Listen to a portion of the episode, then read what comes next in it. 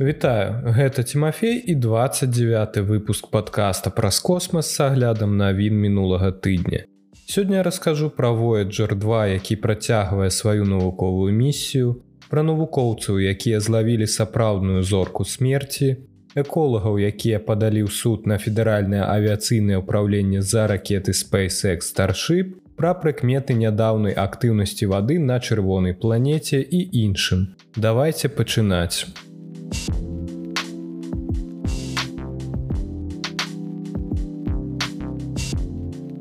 Касмічны карабель NASA Voyager 2 падаўжае сваю міжзоркавую навуковую місію яшчэ на тры гады. Працяглая місія NASA Voyager 2 адкладае адключэнне прыбораў на тры гады да 2026 года дзякуючы тэхнічнаму подвігу інжынераў. Гэтыя змены дазволяць місіі, запущенай аж у 1977 годзе, сабраць каштоўныя навуковыя дадзеныя ў глыбокім космосе. Такім чынам Voyager 2 і яго блязнюк Voyager 1 працягнуць збіраць каштоўныя дадзеныя ў глыбокім космосе аб магнітным поле сонца, энергіі сонечнага ветра, які зыходзіць ад нашага сонца і радыёвыпраменьвання ў міжзоркавай прасторы. Абодва Voyagerы сілкуюцца ад ядзернай энергіі, бо сонечныя прымяні занадта слабыя для сонечнай энергіі ў глыбокім космосе радыоізатопныя тэрмаэлектрычныя генератары, якія яны выкарыстоўваюць часам распадаюцца. А гэта азначае, што плутоній вырабляе крыху менш энергіі кожны год. Інжынеры ўжо адключілі абагравальнікі нараўне з іншымі сістэмамі, каб зарабіць навуку прыярытэтам для надзейнага касмічнага карабля. Але магутнасць зараз настолькі нізкая, што сёлета прыйшлося прымаць непростыя рашэнні для пяці навуковых інструментаў Voyager 2. У Voyager 1 працуе толькі 4 з-за збою аднаго прыбора ў пачатку яго тэрміна службы. Таму да 2024 года у яго хопіць магутнасці для ўсіх яго прыбораў. Рашэнне праблемы з электрасілкаваннем Voyager 2 зводзілася да адключэння абароны, якая выкарыстоўвалася для прадухілення скокаў напругі і пашкоджання прыбораў касмічнага карабля. Замест таго, каб рэзерваваць гэтую магчымасць, місія зараз будзе выкарыстоўваць яе для падтрымання працы навуковых інструментаў. Гаворыцца ў заяве прадстаўнікоў NASAа. Гэтае рашэнне аслабіць рэгуляванне напругі на касмічным караблі. Але абодва вояджеры маюць адносна стабільныя ўзроўні магутнасці, зводзячы да мінімум запатрабавання ў сістэме бяспекі. Інжынеры будуць сачыць за поспехам гэтай стратэгіі на вояджеры 2. Калі ўсё спрацуе, Voyager 1 будзе выкарыстоўваць тую ж тэхніку, паколькі ў наступным годзе ў яго пачне заканчвацца энергія, заявілі прадстаўнікі NASAа. Яны адзначаюць, што на працягу некалькіх тыдняў на Voyager 2 з-за новай працэдурай усё працавала добра. Зменная напруга ўяўляе небяспеку для інструментаў, але мы вызначылі, што гэта невялікая рызыка, а альтэрнатыва прапануе вялікую ўзнагароду за магчымасць даўжэй трымаць навуковыя інструменты ўключанымі, сказала Сюзана Дот, кіраўнік праекта Voyager. Чакалася, што абодва вояджеры пратрымаюцца ў космасе ўсяго чатыры гады і збяруць навуковыя дадзеныя аб сонечнай сістэме на Юпітары і Сатурні. Падаўжэнне місіі ў 1981 годзе дазволіла Voyagerу 2 у канчатковым выніку праляцець міма урана і Нептуна. Voyager 1 знаходзіўся высока над плоскасцю сонечнай сістэмы пасля пралёта Сатурна. Але касмічны карабель сабраў каштоўныя сонечныя дадзеныя для сваёй траекторыі пасля пашырэння місіі. Яшчэ адно пашырэнне місіі ў 1990 годзе было накіравана на тое, каб вывесці вояджеры ў міжзоркавую прастору. Voyager 1 перасёк гэты рэгіён у 2012 годзе, а больш павольны Voyager 2 дасягнуў мяжы ў 2018 годзе.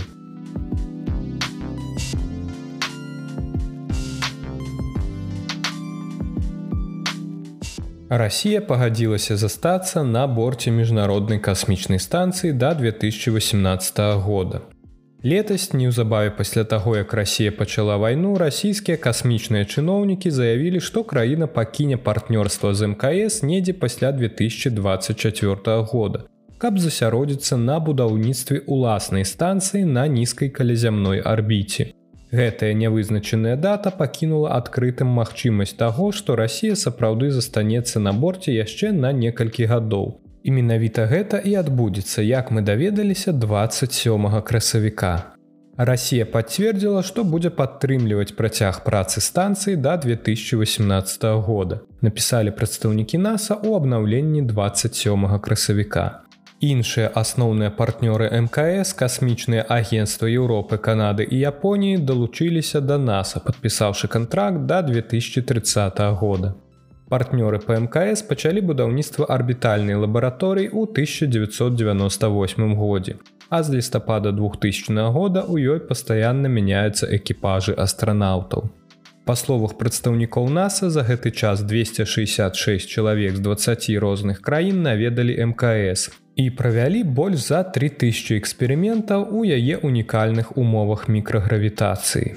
Цяпер у трэцім дзегоддзі сваёй працы станцыя знаходзіцца ў дзегоддзі вынікаў, калі платформа можа максімізаваць сваю навуковую аддачу напісалі прадстаўнікі агенства Хоць мкс яшчэ будзе працаваць 7 год наса ўжо рыхтуецца перадаць эстафету на нізкай калязямной арбіце агенства фінансуе распрацоўку некалькіх канцэпцый прыватных касмічных станцый у надзеі што прынамсі адна з іх будзе выпушчана да таго як мкс сустрэне свой канец у вогненным але кантралюемым вяртанні ў атмасферу зямлі Па словах прадстаўнікоў NASAа пастаянная прысутнасць экіпажа на нізкай калязямной арбіце на працягу доўгага часа з'яўляецца ключом да імкнення чалавецтва пашырыць сваю прысутнасць на месяцы і марсе. Па іх словах камерцыйныя станцыі не толькі дазволяць нам працягваць даведвацца аб тым, як пазаземнае жыццё ўплывае на арганізм, але таксама дапамогуць стымуляваць арбітальную эканоміку, якая можа стымуляваць экспансію ў далёкі космас.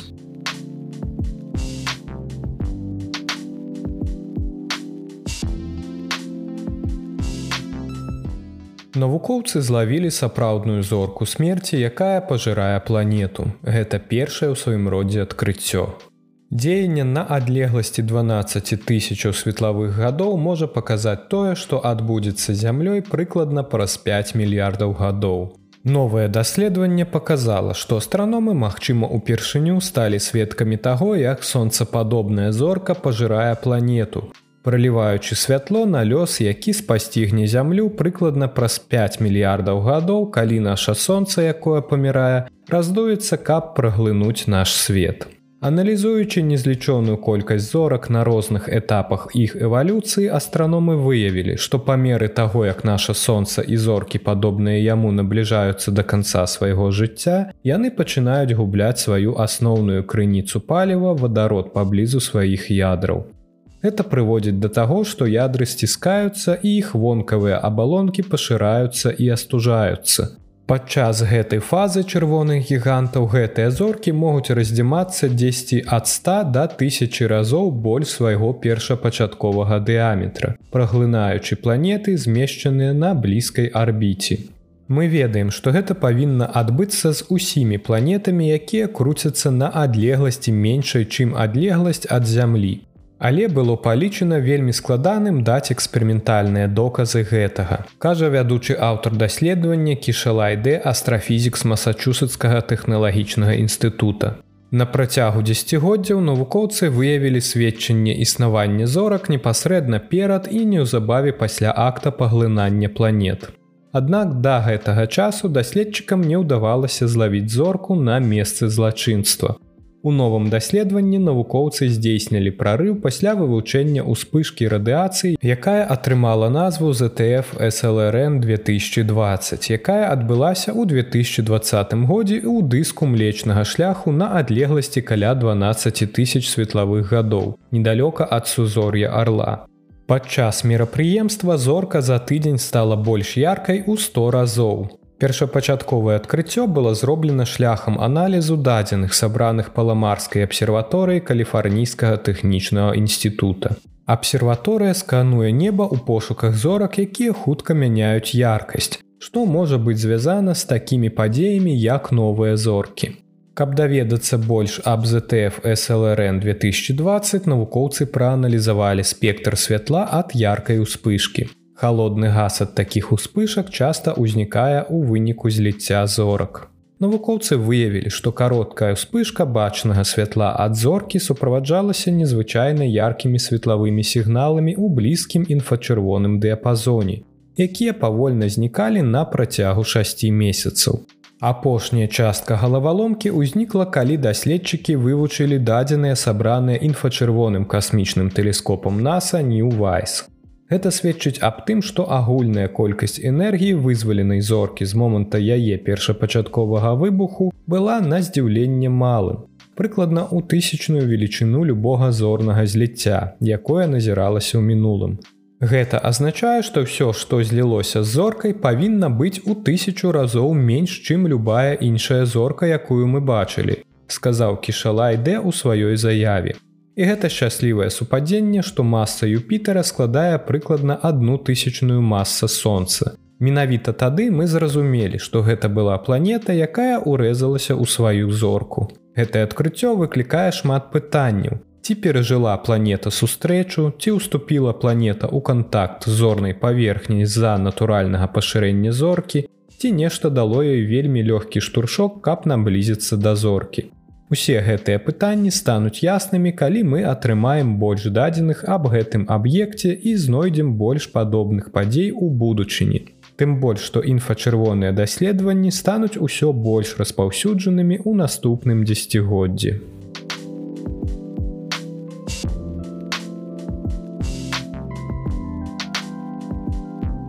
Экалагічныя групы падалі ў суд на федэральнае авіяцыйнае кіраванне ЗША з-за ракеты SpaceX Starship. Кааліцыя экалагічных груп падае ў суд на федэральнае авіяцыйнае кіраванне ЗША, сцвярджаючы, што агенцтва не цалкам прааналізавала шкоду навакольнаму асяроддзю, якую можа нанесці вялізны касмічны карабель SpaceX. Федэральнае авіяцыйнае кіраванне дазволіла SpaceX праводзіць 20 запускаў старship кожны год на працягу наступных 5 гадоў. Адзначаецца ў іску, які быў пададзены 1 траўня ў федэральны акруговы суд у Вашынгтоне, округ Калумбія. Першы з гэтых дазволеных запускаў адбыўся 20 красавіка з касмічнай базы SpaceX на ўзбярэжжы мексіканскага заліва ў паўднёвым Тэхасе, недалёка ад пляжа Бока Чыка. Заркалёт вышынёй 120 метраў гэта самая вялікая і магутная ракета з калі-небудзь створаных. Старшып першапачаткова добра паказаў сябе ў выпрабавальным палёце і змог дасягнуць максімальнай вышыні ў 39 кіламетраў. Але гіганцкі касмічны карабель сутыкнуўся з некалькімі праблемамі, якія прымусілі SpaceX знішчыць карабель высока над мексіканскім залівам. Місія па выпрабаванні выбуховых рэчываў прывяла да таго, што на наваколлі абрынуўся дождж цвёрдых часціц, зазначаецца ў іску, які быў пададзены цэнтрам біялагічнай разнастойнасці, амерыканскай службай аховы птушак, фондаў сэрфрыдарам і іншымі арганізацыямі. Стартавая пляцоўка SpaceX у бока Чыка акружаная дзяржаўнымі паркамі, землямі нацыянальнага запаведніка дзікай прыроды і важным асяроддзем пасялення, якія знаходзяцца пад пагрозай знікнення дзікіх жывёл, у тым ліку трубчатых жытняў, паўночных сокалаў апламада, марскіх чарапах. Гаворыцца ў паведамленні цэнтра біялагічнай разнастойнасці. Запускі ракет і выбухі наносяць значную шкоду з-за павелічэння трафіку транспартных сродкаў і моцнай спякоты, шуму і светлавога забруджвання ў выніку будаўнічых і пускавых работ. Дадала некамерцыйная арганізацыя з арызоны. Выбухі ракет раскідалі абломкі па навакольным асяроддзі і выклікалі лясныя пажары. На дадзены момант федэральнае авіяцыйнае кіраванне ЗША расследуе інцыдэнт з запускам SpaceX. Паводле іску праца SpaceX на Starbase таксама ўплывае на людзей у гэтым раёне. Напрыклад, пляж Бокачыка з'яўляецца грамадскім, але дазвол федэральнага авіяцыйнага кіравання дазваляе SpaceX зачыняць доступ да яго на тэрмін да 800 гадзін у год. Такое закрыццё стварае цяжкасці для карэнных жыхароў карыза камікруда, што ўплывае на іх здольнасць праводзіць цырымоніі ў гэтым раёне, гаворыцца ў заяве. Свяшчэнныя землі народа карыза камікруда зноў апынуліся пад пагрозай за імперыялістычнай палітыкі, якая разглядае нашу культурную спадчыну як меншую каштоўнасць, чым карпаратыўныя інтарэсы, заявіў кіраўнік племя карыза камікруда ў Тэхасе. У іску утрымліваецца заклік да федэральнага авіяцыйнага кіравання правесці поўную экалагічную праверку дзейнасці SpaceX Starship у паўднёвым Техасе. Раней агенцтва патрабавала ад SpaceX выканання больш за 75 змякчальных дзеянняў, але не патрабавала больш строгай заявы аб удзеянні на навакольнае асяроддзе. Жыццёва важна, каб мы абаранялі жыццё на зямлі нават калі мы глядзім на зоркі ў гэтую сучасную эпоху касмічных палётаў сказаў у той жа заяве старшы юрыст цэнтра біялагічнай разнастойнасці Джаред марголіс федэральныя чыноўнікі павінны абараняць дзікую прыроду а не саступаць карпаратыўным інтарэсам якія хочуць выкарыстоўваць запаветныя прыбярэжныя ландшафты ў якасці звалкі касмічнага смецця Старшып з нержавеючай сталі складаецца з ракеты носьбіта першай прыступкі пад назвай суперхэві і касмічнага карабля верхняй прыступкі вышынёй 50 метраў вядомага як старшып. Абодва элемента спраектаваны так, каб іх можна было цалкам і хутка выкарыстоўваць паўторна. Гэты прарыў, які на думку заснавальніка і генеральнага дырэктара SpaceX Ілона Маска зробіць каланізацыю Марса, яго даўнюю мару эканамічна здзейсняльнай. І старшып і суперхэві абсталяваны рухавіком раптар наступнага пакалення ад SpaceX. 33 для ракеты носьбіта і 6 для касмічнага карабля верхняй прыступкі. Па дадзеных кампаніі суперхэві можа вырабляць 16,7 мільёнаў фунтаў цягі пры старце. Амаль у два разы больш, чым мегаракета NASA Space Launch System. Самая магутная ракета, якая калі-небудзь выконвала паспяховую касмічную місію. Выпрабавальны палёт 20 красавіка нанёс значную шкоду арбітальнай стартавай усталёўцы зорнай базы але пляцоўка павінна быць адрамантавана і гатова да запуску другога карабля праз 1-2 месяцы сказаў маск.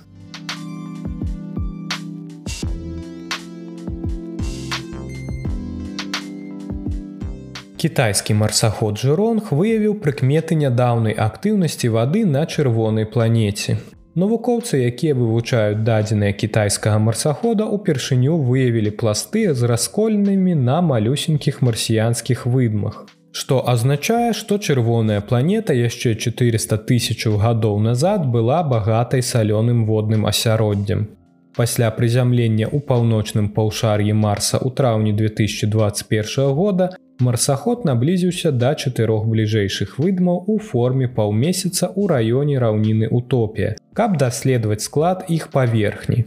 Усе чатыры мініяцюрных сфармаваных ветрам геалагічных аб'екта ўтварыліся дзякуючы раставанню сучаснай вады недзе паміж 1,4 мільёнаў гадоў да 400 тысячаў гадоў таму. Паводле новага артыкула апублікаванага ў пятніцу 28 красавіка. Гэта азначае больш нядаўні час у марсіянскай гісторыі, сказаў Сеагуань Цынь, вучоны з кітайскай акадэміі навук у пекіне і аўтар новага даследавання.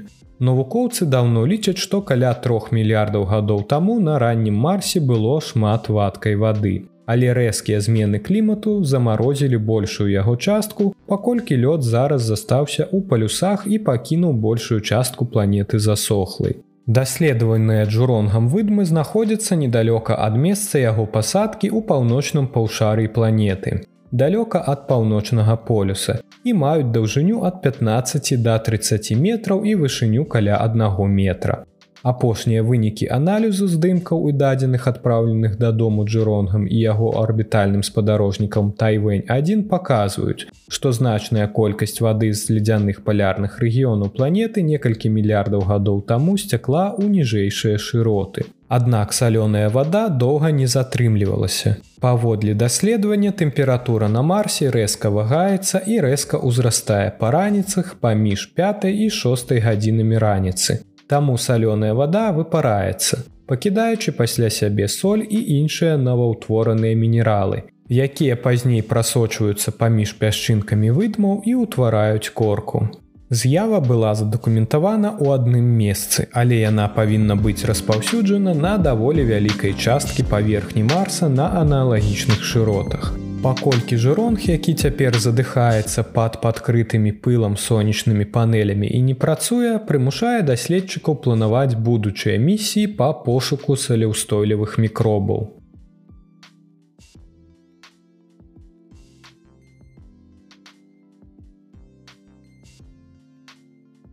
Гэта ўсе навіны, пра якія я хацеў расказаць вам у выпуску. Цяпер пагаворым аб падзеях наступнага тыдня. 8 траўня ракета Рокет Лап Электрон запусціць другую пару малых кюбсатаў для місіі NASA Тропікс. Місія назірання за структурай ападкаў і інтэнсіўнасці штармоў Тропікс будзе выміраць умовы навакольнага асяроддзя і ўнутраныя умовы для трапічных цыклонаў.